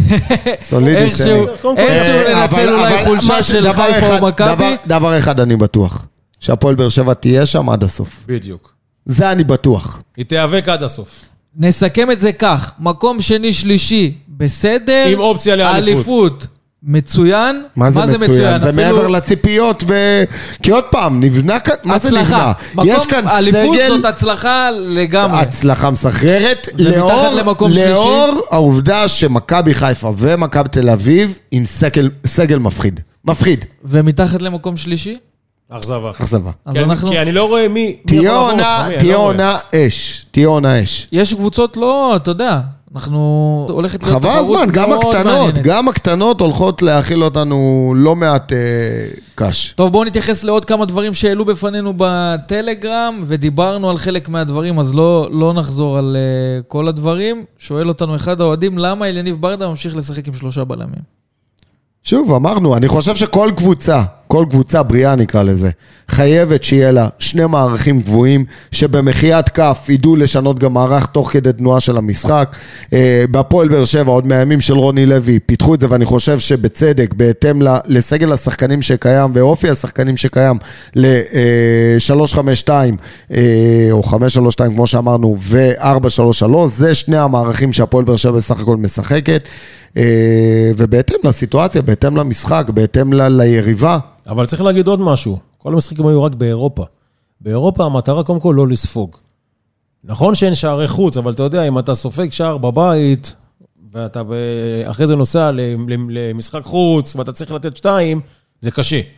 אז קודם כל לא לספוג, וזה בסדר, אבל גם מה שיאמר לזכותו של ברדה, שהוא יודע לשנות מהלכים, גם אחרי עשר דקות, רבע שעה, הוא נכון. חי את המשחק. והוא עשה את זה. הוא נגד לא- לוגאנו הוא- הוא שינה הרבה. הוא לא שוקד על השמרים, ואם הוא, ואם הוא, הוא אומר טעיתי, הוא גם יכול להחליף שחקן אחרי רבע שעה ועשרים דקות, הוא חי את המשחק כמו שצריך. אני, אני מאוד אוהב את זה אצלו, באמת, את התגובה, אתה... כי תראה, יש, יש גם מאמנים שחיים את המשחק, אבל הזמן תגובה שלהם, כי הם אומרים, רגע, ואם אני טועה, והלחץ של הקהל, ומה התקשורת יגידו, ואיך יקבלו, ו... אתה יודע, ואיך השחקן יקבל, הוא עושה, ואחרי זה הוא גם דואג ש- שמה שהוא עשה יהיה בסדר. בנוגע להתנהלות המועדון אה, בעניין מכירת הכרטיסים, האוהד אלעד פרץ כותב לנו, המועדון חייב להיות יותר שותף ולעורר את הקהל, לא הגיוני שזה יעבור רק על ידי וסרמיליה והאולטרסאוט, איפה מחלקת השיווק של המועדון? תעלה את מנהלת השיווק למועדון לשידור, תשאל אותו. אתם חושבים שהמועדון יכל אולי לפעול בצורה אחרת? תראה, אני זוכר, טובה? אני זוכר בשנים עברו, שלטי חוצות, פרסום ברדיו דרום ודברים כאלה. לא שמעתי את זה, לא ראיתי את זה עכשיו. השאלה, אתה יודע מה, אני, אני, אני רוצה להתייחס לזה. השאלה האם בהפועל באר שבע צריכים לשכנע קהל להגיע למשחק כזה, לא חושב. שהוא מרחק לך, אמיתי, 90 לא דקות או חושב. 120 לא- דקות לא חושב. משלב בתים לא חושב, במפעל אירופי. לא חושב, כי פעם, כי פעם אנחנו עולם, בעולם של רשתות חברתיות והכל פורסם והכל זה, אבל פעם היה פרסומת אחת או שתיים ברדיו דרום ואתה היית רואה 16,000 בווסרמיל, כי במשחק חשוב. וזה המשחק הכי חשוב שלנו יכול להיות אבל אני העונה. חושב שאם נמכרו קרוב ל-12,000 מינויים, אלה הראשונים שצריכים להיכנס לטרנר. נכון. אלה הראשונים שצריכים תראה, אבל עוד להיאבק על פעם, אני חושב הכיסא שגם, שלהם. אה, עוזי, אני חושב שגם היה איזה דיסאינפורמציה, כי דיברו על 3-4 אלף, פתאום ראיתי פרסום של 10 ו-11 אלף כן, אוהדים, היה פיק מאוד גדול היום. אז... אה, בוא אז- נגיד ככה, גדעון, אה, עד לסיום האופציה למנויים ל- לרכוש כרטיסים, משהו כמו 3,000-4,000 כרטיסים נמכרו. אנחנו מדברים על הישג מטורף מבחינת הקהל, הקהל של הפועל באר שבע, שתוך 24 שעות נמכרו מעל 10,000 כרטיסים, זאת אומרת מעל 6,000 כרטיסים בפחות מ-24 שעות. עכשיו זה יכול להיות מבחינת החשיפה של אוהדים שלא נחשפו מאמין. לפוסט מכירת הכרטיסים, יכולות להיות המון סיבות, אבל בשורה התחתונה, הקצב כרגע עולה. אני מאמין, ש... אני מאמין שנגיע לכיוון לא, 14 טרנר יהיה וחצי, מלא, טרנר 15, יהיה מלא, כן. sold out אתה אומר? אה, 14, 15, כן. כן, 14, 15. תראה, אם פתחו את שער 10, זה אומר שהשאר כבר אה, כמעט על סף סגירה. אחרת לא היו פותחים סוף. יכול להיות שעוד פעם, אדישות של אה, אוהדים, כאלה אנחנו שאמרו, תשמע, אין sold out, אז אני אראה ברגע האחרון, אולי בא לי לשבת בדרומי, אולי בא לי... אנחנו רק יום שני. נכון, ויש כאלה. שבנופש, ויש כאלה שהילדים חוזרים ללימודים, אה, יש הרבה סיבות. יפה. גדעון, אתה צריך לדבר אחרי משחקים, יש לך אלף ואחת תירוצים.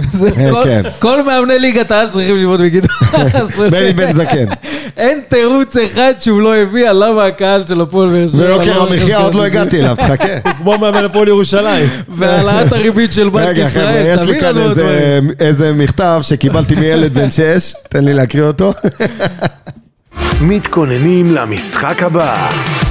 טוב, אז מתכוננים למשחק הבא של הפועל באר שבע, שעה שמונה ביום חמישי באיצטדיון טוטו טרנר. הפועל באר שבע תארח את קריובה למשחק הגומלין של שלב הפלייאוף של הקונפרנס ליג, והיא רחוקה 90 דקות, אה, או 120 דקות אה, ופנדלים מהעפלה לשלב אה, הבתים של הקונפרנס ליג, שמלבד נקודות דירוג משמעותיות, זה יכול להביא גם חוויות לקהל מבחינת טיסות, ואתה יודע, אנחנו הרגשנו את זה. הגרלה. ביום שישי בשתיים. וגם המון כסף שיכול להיכנס לקופת שזה עוד המועדון. יותר משמעותי. לגמרי, נכון. ויש פה חשיבות אה, גדולה אה, גם למשחק כלכלית הזה. וגם מקצועית. וזה הזמן גם לקרוא לקהל שעוד לא רכש כרטיסים, לעשות את זה עכשיו, לתמוך בקבוצה, זה באמת... אה, אני באמת מאחל ששלושת הישראליות, באמת אני אומר לך מכל הלב, מאחל ששלושת הישראליות יהיו בחורף אירופאי, גם מכבי חיפה, גם מכבי תל אביב, גם הפועל באר שבע, זה רק יעשה טוב לליגה, זה רק יעשה טוב לכדורגל הישראלי, גם מבחינת כספים, גם מבחינת אווירה, גם מבחינת עניין, כמו שאתה אומר, כי בסופו של דבר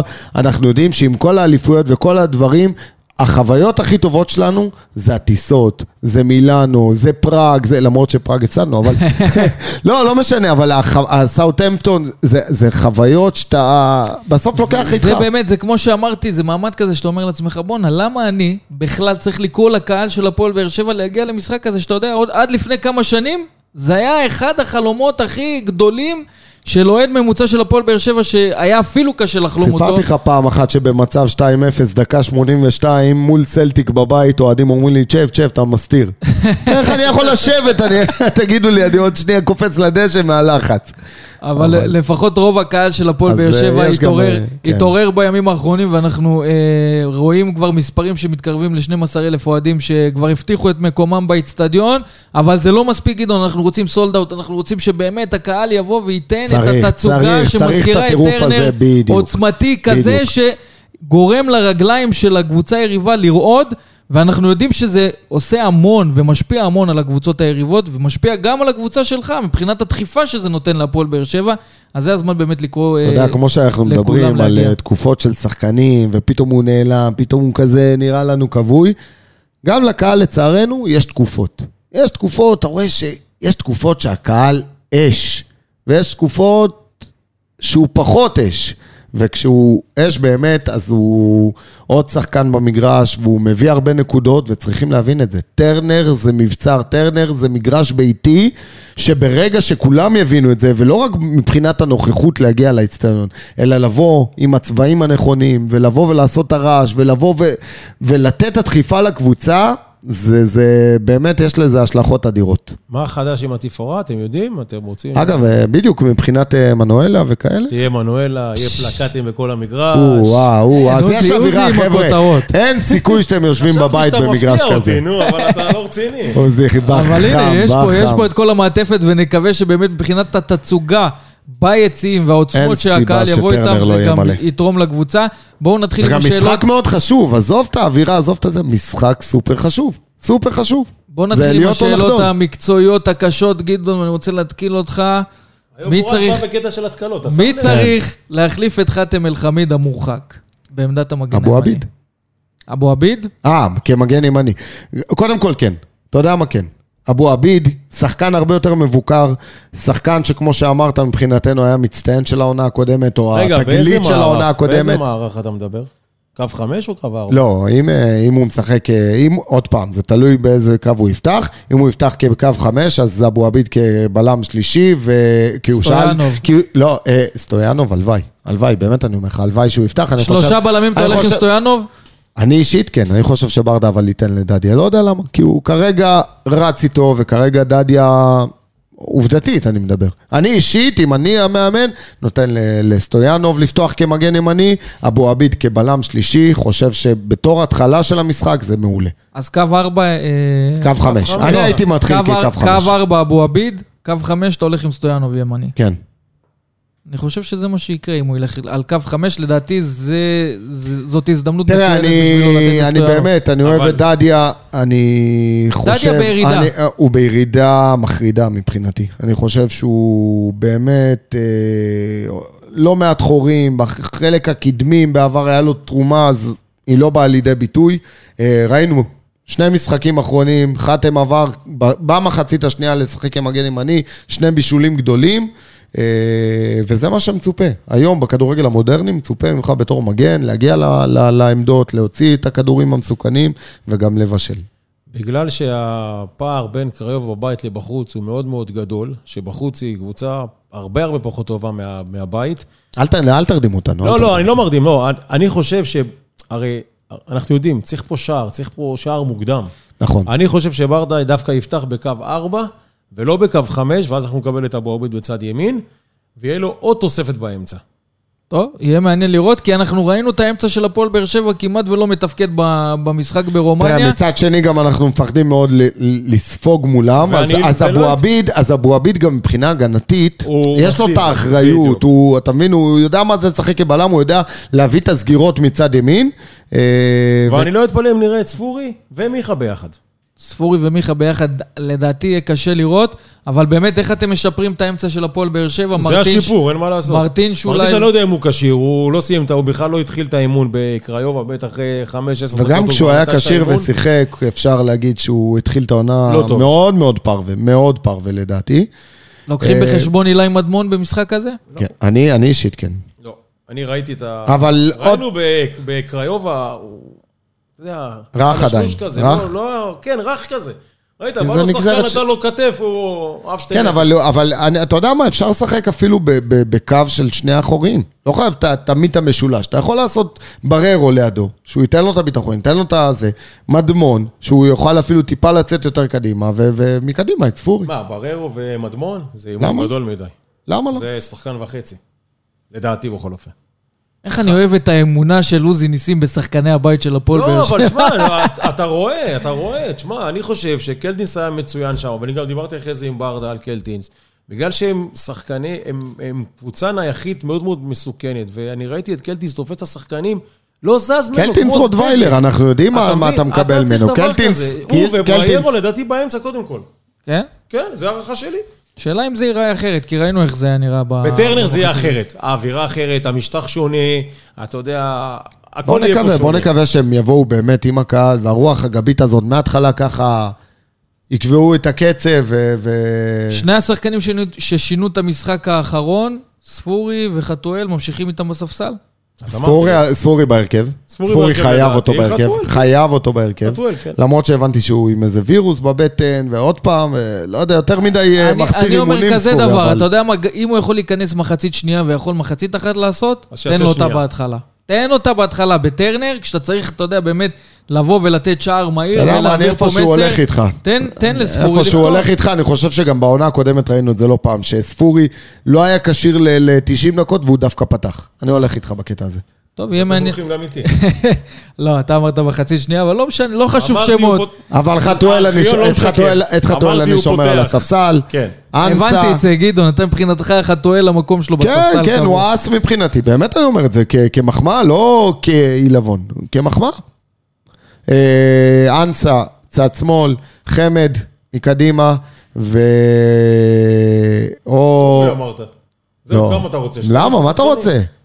אם אנחנו משחקים בקו של 4, אז יש לך 4-3-3. נו, נו, אמרנו בריירו? אמרנו קלטינס? נו, וספורי זה השלישי. אני אמרתי מיכה. אז מיכה יכול, אז, אז רגע, יש לך כנף ימין שעוד לא דיברנו, אז זה או מיכה או סלמני, ואז סלמני נגיד שמאל אם יותר נוח לו, ואנסה ימין. זה לפי דעתי המשולש. עשיתם לי כן. כאב ראש, אז אני לא יודע מה הכאב ראש קיצר, הולך. הקיצר, ההתנדנדות, ההתנדנדות זה בעמדה של הקשר 50-50, ובקשר של ה... בצד ימין. זה בוא נגיד את זה. ככה, אם המאמן של קריובה מאזין לנו, הוא לא מבין נגד. מי הוא בא מצחוק. לשחק, הוא לא מבין נגד מי הוא בא לשחק אה, במשחק הזה. אה, הימורים, תוצאות? פינת ההימורים. יאללה, תנו לי תוצאות זריזות. שלב בתים. תן לי מספר. מה זה משנה מספר? אני רוצה אחד או תוצאה. שמונה, זה חשוב לך? תוצאה אני רוצה. בעזרת השם נגיע לשלב הבתים, אני חושב עם אמרנו, תשאיר אני זה חושב ככה. עם 1-0 קטן. אני גם הולך על 1-0. אה, שלב בתים. טוב, אז כמו שאנחנו התכוננו למשחק אה, של הפועל באר שבע מול קריובה, אנחנו יודעים שגם אה, ברומניה מתכוננים למשחק הזה, וכדי להבין איך שם מתכוננים למשחק מול הפועל באר שבע, אנחנו נדבר עם עיתונאי ותיק מהגזטה ברומניה, והאיש שיודע על, הכל על מה שקורה בכדורגל הרומני, בנו דוד בונשרה. בונשרה, וגם אה, אני רוצה לאחל לכם כל ערב טוב ותוכנית נעימה, דבר ראשון. תודה רבה. ערב ערב מצוין. טוב גם לך. אתה יודע מאיפה אני זוכר אותך, בנו? מאיפה? מצמד המשחקים הקודמים של הפועל באר שבע מול סטיאווה אה, בוקרסט. נגד סטיאווה בוקרסט. אה, קילומטראז' זה קילומטראז', התחלתי בחדשות הספורט, לא מדבר, לא אני הנושא, אבל התחלתי, הלו? כן, כן, שומעים, שומעים. התחלתי בחדשות הספורט, אחר כך כל ישראל, מדור הספורט של מעריב ועוד, וברומניה בגלל זה המון המון. המון שנים, וגם פרשן, פרשן כדורגל ברומניה. תראו, אוניברסיטת הקריובה תנחת מחר ב- בערב אה, בארץ, הקבוצה, הקבוצה תיסע ישירות למלון בבאר שבע, ואילו קברניטי הקבוצה והמלווים יישארו בתל אביב, ככה נהוג אצלהם. אלו לחוד ואלו לחוד, קשה להבין למה, אבל זה מה שקיים ברומניה ברוב הקבוצות. ברור שיש דריכות אה, בקבוצה, בקבוצה לקראת המשחק הקובע.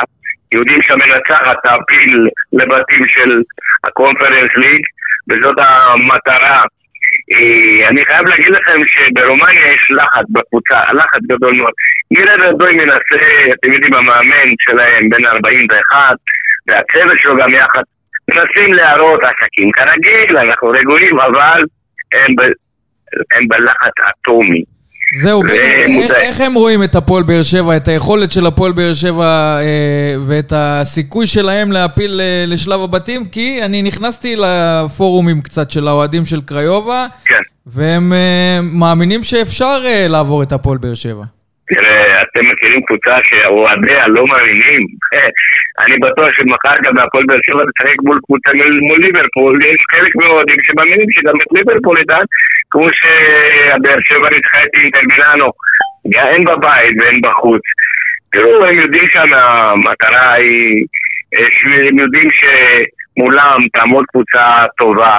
אה, הם יודעים שבבית באר שבע נותן את הטון. באר שבע אה, בעידוד הקהל שהיא תלווה את הקבוצה, ולא רק זה יעודד מהדקה הראשונה לדקה האחרונה יודעים, אבל שימו לב, פה, פה גם יש פה בעיה קטנה לבאר שבע, כי בדרך כלל כשקבוצה היא פייבוריטית, פייבוריטית חברים, אז יש את הבעיה שהלחץ עליה. אתם מסכימים איתי, נכון? לגמרי כן, השאלה היא אם אתה רואה את הפועל באר שבע כפייבוריטית במשחק הזה.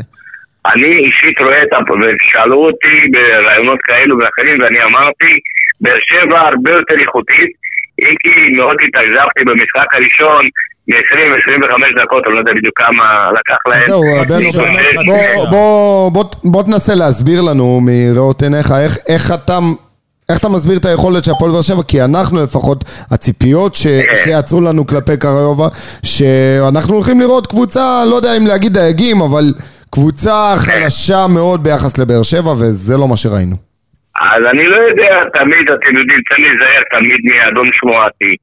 אני אגיד לכם, אני, הם דווקא הפתיעו אותי, ואני לכולם אמרתי חד משמעי, כי הפערים הם גדולים לטובת הפועל באר שבע.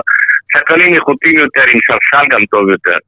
אבל ראיתם מה קרה, ואני חושב שפה, לקבוצה שלנו, להפועל באר שבע, לנציגה שלנו הישראלית, היה מזל, כי אם הם לא היו מחטיאים במערכת הראשונה, אם היה נגמר 2-0, אני לא בטוח שבאר שבע הייתה מסיימת בתיקו. צריך לציין שבמחצית השנייה באר שבע שלטה, או ברגע שהיה נחיתות מספרית לקבוצה המקומית, ראו במגרש רק קבוצה אחת, וגם ספורי שנכנס, אני, אני חושב שהוא עשה סדר, היה מסוכן בשחקני באר שבע, שלא לדבר על חתואל, שכתב, ציינתי וכתבתי בכתבה בגזטה שהוא האיש הנכון במקום הנכון, ותמיד הוא לא מאגזר את המאמן. בכל משחק, נדמה לי ארבעה שערים מחמישה מחמשת המשחקים האחרונים, אני לא טועה, נכון? אתה- לא טועה, אתה צודק. אז הנה, תראו, אבל אה, אני מאמין שבאר שבע תשחק בביטחון מלא, תצליח לכבוש מתחילת המשחק, וידרבן אותה, והלוואי, גם 1-0 קטן מספיק, אבל שלא, שלא יגיעו חלילה, אני אומר חלילה, מבחינת הקבוצות, הקבוצה הביתית שלנו, מה, בהפועל באר שבע, להערכה בפנדל, כי אתם יודעים, פה זה לא טוב והכל יכול להיות, זה, זה כבר אה, רולטה רוסית, איך אומרים, נקווה שלא נגיע לזה, אבל לדעתי באר שבע פייבוריטית, אה, אפילו ברורה, הם מנסים לעשות כל מיני תרגילים, הם, הם מנסים להגיד שהכל טוב והכל, אבל הם יודעים על הבעיה, בעיות בהגנה, ותראו, פאול פאפ שהורחק, אנחנו לא נכנסים לקטע הזה בסדר, לא בצדק, אגב, הוא ישלם קנס קבוע לאחר שהקבוצה חוזרת, והוא הוא חשוב, ב, ב, הוא חשוב בהרכב, ויש לו גם כ-20 משחקים בנבחרת הבוגרת של רומניה. הם רצו ואמרו שינסו אולי להחזיר את אה, אה, גמן, ודקה גמן זה בלם ששיחק אבל פצוע כבר כחודש ימים. קשה לי להאמין כשמאמן כמו מרד הדוי, שגם בנבחרת הצעירה שלו, גם הבוגרת, ייקח סיכום וישים אותו. מבחינתי, מבחינתנו שישים אותו. כי שחקן שלא שיחק כחודש, עם כל הכבוד, שלושה ארבעה אימונים, לא יכול להיכנס למשטר אימונים לדעתי. בנו, הזכרת את השחקן שהורחק, את המגן הימנית פאפ. מה בדיוק קרה שם? אנחנו... אני בכל אופן, כשהייתי במגרש לא הצלחתי להבין. אולי אתה עכשיו יודע לספר לנו אחרי שדיברת. אני יודע קצת, יותר ממך, אבל עדיין לא, הימנעו, אה, הם התבקשו לא לדבר על הנושא הזה. אבל יש לך ו- שם כמה אנשים שאתה מכיר, אני מכיר גם, ראיתי, ו... אני, כן, אבל אה, הם לא כל כך רוצים ששים לדבר על זה. והיום הבוס שלי מגזטה, אובידיו אריצואל, שאחד מהעיתונים הכי בכירים, בוא נאמר ב-40 השנים האחרונות, כתב שבעצם נעשה עוול לשחקן, נכון הוא טעה, אבל המאמן לא ראה, זה לא היה משהו, זה מכת אגרוף או משהו, אתה יודע, זה לא, לא, אתה יודע, אה, רציני מדי, יחד עם זה הוא אומר שאסור ששחקן יתקיל את הקבוצה, והוא קיבל על הראש גם מהפרזידנט, גם מהמאמן, בסוף הם מסתפקים בקנס, כנראה בין שלושת אלפים לארבעת אלפים יורו, עוד לא פרסמו, זה מה שהבנתי מהקולגות שלי מגזטה. הוא רצה גם להיות במטוס ולהרגיש את חברה ו- ולעודד אותם, תורו לעודד אותם, אבל אה, אמרו לו חד משמעית, אתה נשאר בבית, כי עונש אתה לא, לא יכול לבוא איתנו. שלא תסבך אותם יותר. שהוא לא יבוא במטוס עם האוהדים. כן, אגב, אה, בנו, יגיעו אוהדים אומנים לארץ? אני יודע על מעט מאוד אוהדים שהגיעו, הם יהיו בחיפה, הם, בוא נאמר מקורבים של הקברניטי הקבוצה, הם יהיו, הם יהיו במלון בתל אביב, ביניהם, אם אתם זוכרים, אתם מאוד צעירים, אני מרשה לעצמי להגיד, מאוד צעירים. אני- אני זוכר, אבל- אני זוכר. מריאן אבל קלטן, קלפטיאנו, מריאן קלפטיאנו, שעוזי פגש אותו ב- ברומניה, היה שחקן 14. נהדר, ביחד עם אריאן בקו. שלא לדבר על מריאם בקו, שהוא היה הכוכב האמיתי של קריובה האמיתית, הוא גם כבש, מריאם בקו בזמנו מול נגד מונקו ונגד נגד דינמו קייב, קהל הריע לו, חיכה לו שעה וחצי אחרי התמודדות בעיר קריובה, שהייתה בשנות ה... הייתה אני לפני, אה, בוא נאמר, כ-30 שנה, קצת פחות, קבוצה אדירה שהגיעה לחצי גמר באירופה, במפעל השני בחשיבותו, אז היה מחזיקת גביע, אבל הם הדיחו בדרך קבוצות כמו בורדו מצרפת, ועוד קבוצות כמו, כמו קייזרסלאוטרן, אה, קייזרסלאוטרן מגרמניה, אבל מאז עד היום בנוגע, אה, בנוגע יש, ל... יש פערים מאוד מאוד גדולים. בנוגע לאוהדים, נחזור שנייה אחת, אתה מאמין שיש הרבה אוהדים אה, מהארץ? אני לא, לא מאמין שיש הרבה אוהדים כי אם היה, לא, זה היה איזה שואל קומו- מהארץ, לא- קומוניקציה. לא שהגיעו מרומניה. אה, קשה לי להאמין, אה, אני יכול להגיד כאחד שנולדתי, עליתי ב-65 לארץ, זה היה לא מכבר. ואלה שנולדו ברומניה, זאת אומרת שאוהבים את הפועל באר שבע, אבל קשה לי להאמין ש... שאני יודע רק מאלו אה, שב- שמגיעים במטוס יחד עם ה... עם ה- קלפטיאנו והפרזידנט ואחרים שיהיו במלון בתל אביב, החל ממחר בערב, שיהיו כמה מקורבים שיהיו, אבל קשה לי אישית לחשוב שיבואו יותר מ-20 או 30 אוהדים. הם לא ממש מתארגנים לבוא, זה לא כמו אוהדי באר שבע, שבמשחק הקודם, אתם זוכרים, מול שדה בוקרשט באו 8,000 אוהדים ונתנו תחושה אדירה. טוב, בסדר, ואני אז אני הייתי הקרוב. במצב נורמלי יש 5,000 כן. אוהדי באר שבע. כן. אז אני הייתי כרוז אה, בשפה העברית, ואלונה בסיום המשחק גם אה, הייתה מופתעת איך נתתי כזאת תחושה, עגלה ביתית. אז אמרתי, בשביל זה אני פה. אז היא אומרת, לא הפריע לרומנים? שאלה אלונה ברקת, אמרתי, אולי זה הפריע, אבל לנו זה עזר. ולי. מותר- להגיד שאתה תהיה גם אה, הפעם על עמדת אני- הכרוז וגם אה, המתורגמן בהחלט. הראשי של האירוע. אני אהיה מתורגמן הרשמי, ה- בוא נאמר הרשמי של האירוע, ואני אה, גם כרוז בשפה הרומנית, אבל אני לא אהיה לא כדי לעודד את הרומנים, אני אהיה רק כדי שהם יבינו את האירועים ומה קורה, שהם בעצם, כמו בכל קבוצה, אנחנו נקבל אותם יפה, ב- בתנאי שבסוף באר שבע תעלה לקונפרנס ליג ולא הם. יאללה, הוא משלנו, בנו דוד משלנו. בנו, תודה רבה שהיית תודה, איתנו. ברור. ואנחנו... אני לא, לא, לא רק איתכם, אני עם כל קבוצה מיכאל, והלוואי, ואני, תרשו לי, אני רוצה לאחל הצלחה קודם כל למכבי חיפה שמשחקת מחר, שתעבור לה הכנה. אצבעות, גם אנחנו רוצים בהצלחה שלה. נחזיק אצבעות, כי אנחנו ישראלים, מה לעשות, יהודים וישראלים. חד אחר משמעית. כך, באר שבע ולמכבי תל אביב. אם שלושת הקבוצות יעלו, אנחנו נרים כוס לחיים ונגיד ברומנית מולט נורוק, שזה הרבה מזל. לגמרי. בנו דוד, אה, עיתונאי אה, רומני ותיק ואחד שלמדנו ממנו הרבה, תודה רבה שכחת. שאני ישראלי גם ותיק, מ-65 אני מתחיל להיות ותיק. עוד לא ותיק, אני מתחיל להיות ותיק. לגמרי, נשתמע. תודה רבה לכם, תודה רבה לכם וערב טוב ונעים, ביי. ערב טוב, תודה. שלום, שלום. לסיום הפרק הזה, קבוצת הנוער אז באמת הרחבנו יותר מדי בפרק הזה, וכדי לא אה, להעמיס מדי, אנחנו לא אה, נרחיב על קבוצת הנוער, אבל רק נספר שהפועל השלושה באר שבע פתחה בשבת האחרונה את העונה אה, בליגת העל באופן רשמי, והיא עשתה את זה עם ניצחון 3-1 בחוץ על הפועל ראשון לציון. כובשי השערים במשחק הזה לזכות הפועל באר שבע הם נועם שחר, אמיר גנח ואופק פרץ, והניצחון הזה גם ממקם את קבוצת הנוער של הפועל באר שבע במקום הראשון בליגה. כמו שאמרתי, אנחנו נרחיב בהמשך uh, בפרקים הבאים על uh, מה שהפועל באר שבע בקבוצת הנוער עושה, ויהיו לנו גם אורחים מקבוצת הנוער, אבל אנחנו נמשיך לעקוב ונאחל המון הצלחה להפועל באר שבע uh, במשחק הקרוב מול קריובה באיצטדיון טוטו טרנר. יום חמישי, זה היה הזמן לקרוא לכם שוב להגיע ולדחוף את הקבוצה במשחק הכל כך בערב. משמעותי הזה. שמונה בערב, יום חמישי, תבואו, תדחפו. אני רוצה להודות לגדעון אסולין, תודה רבה תודה שהיית רבה. איתנו. עוזי ניסים ישראל היום, תודה. תודה רבה. אנחנו נשתמע בפרק הבא. וסרמיליה פודקאסט, פודקאסט האוהדים של הפועל באר שבע.